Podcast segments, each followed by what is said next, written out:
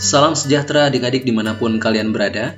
Kembali adik-adik mendengarkan podcast Renungan Harian ini. Semoga kalian tetap setia, taat mendengar suara Tuhan melalui pembacaan firman Tuhan setiap hari. Hari ini tema renungan kita adalah mengingkari kebangkitan. Hmm, siapa ya yang mengingkari kebangkitan Yesus? Sebelum kita membaca firman Tuhan, mari kita berdoa. Terpujilah Tuhan Yesus yang membuat kami dapat memiliki waktu teduh ini, mendengar, membaca firman-Mu. Beri kami hati yang lembut, agar firman yang kami dengar ini Tuhan, dan kami baca dapat tumbuh dan berbuah dalam kehidupan kami sehari-hari. Demi belas kasihan-Mu ya Yesus Tuhan dan Juru Selamat kami yang hidup. Amin. Bacaan kita hari ini terambil dari Matius 28 ayat 11 sampai 15 sebuah perikop yang berjudul Dusta Mahkamah Agama. Buat kalian yang mengikuti Syema edisi spesial Jumat Agung dan Paskah, pasti kalian masih ingat kan renungan kita waktu itu? Baik, kita baca kembali ya. Dusta Mahkamah Agama.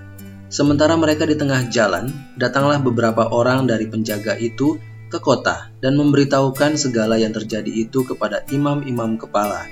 Sesudah berkumpul dengan tua-tua, mereka mengambil keputusan lalu memberikan sejumlah besar uang kepada serdadu-serdadu itu dan berkata, "Kamu harus mengatakan bahwa murid-muridnya datang malam-malam dan mencurinya ketika kamu sedang tidur.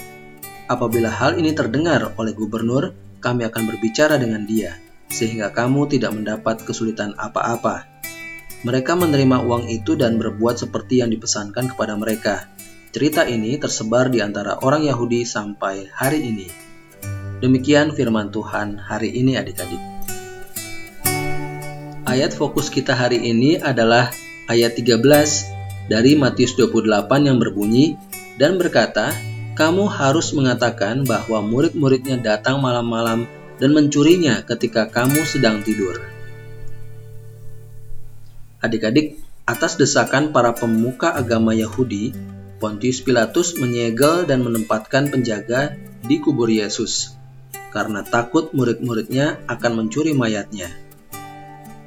Pada waktu tengah malam terjadilah gempa bumi hebat dan malaikat membuka pintu kubur itu.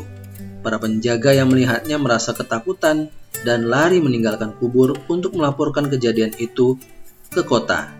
Merekalah saksi kunci yang melihat dan mengalami kejadian itu. Para pemuka agama sangat cemas dan ketakutan mendengarkan cerita mereka untuk mengingkari peristiwa tersebut, mereka menyuap para penjaga itu untuk berbohong bahwa murid-muridnya telah mencuri mayat Yesus.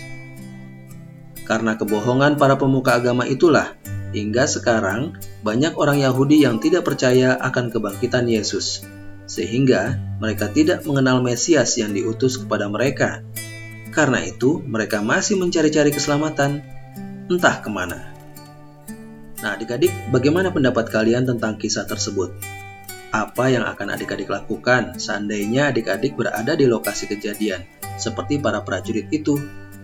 Apakah adik-adik akan seperti para prajurit yang menyebarkan saksi dusta karena disogok materi atau kepentingan pribadi kalian? Atau juga kalian mau tetap terus mengabarkan kabar baik, kabar benar tentang Yesus yang bangkit dari kematian, menang lawan maut demi kita umatnya dapat hidup kekal. Baik, hari ini yuk kita mau bertekad bersama-sama.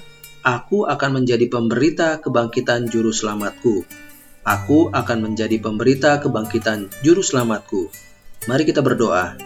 Bapa di surga, ajar kami untuk senantiasa bergiat memberitakan kebenaran, kasih, penebusan, dan jaminan Tuhan atas kami melalui kebangkitan Tuhan Yesus dalam namamu Yesus, Tuhan dan Juru Selamat kami yang hidup. Amin. Demikian adik-adik renungan kita hari ini.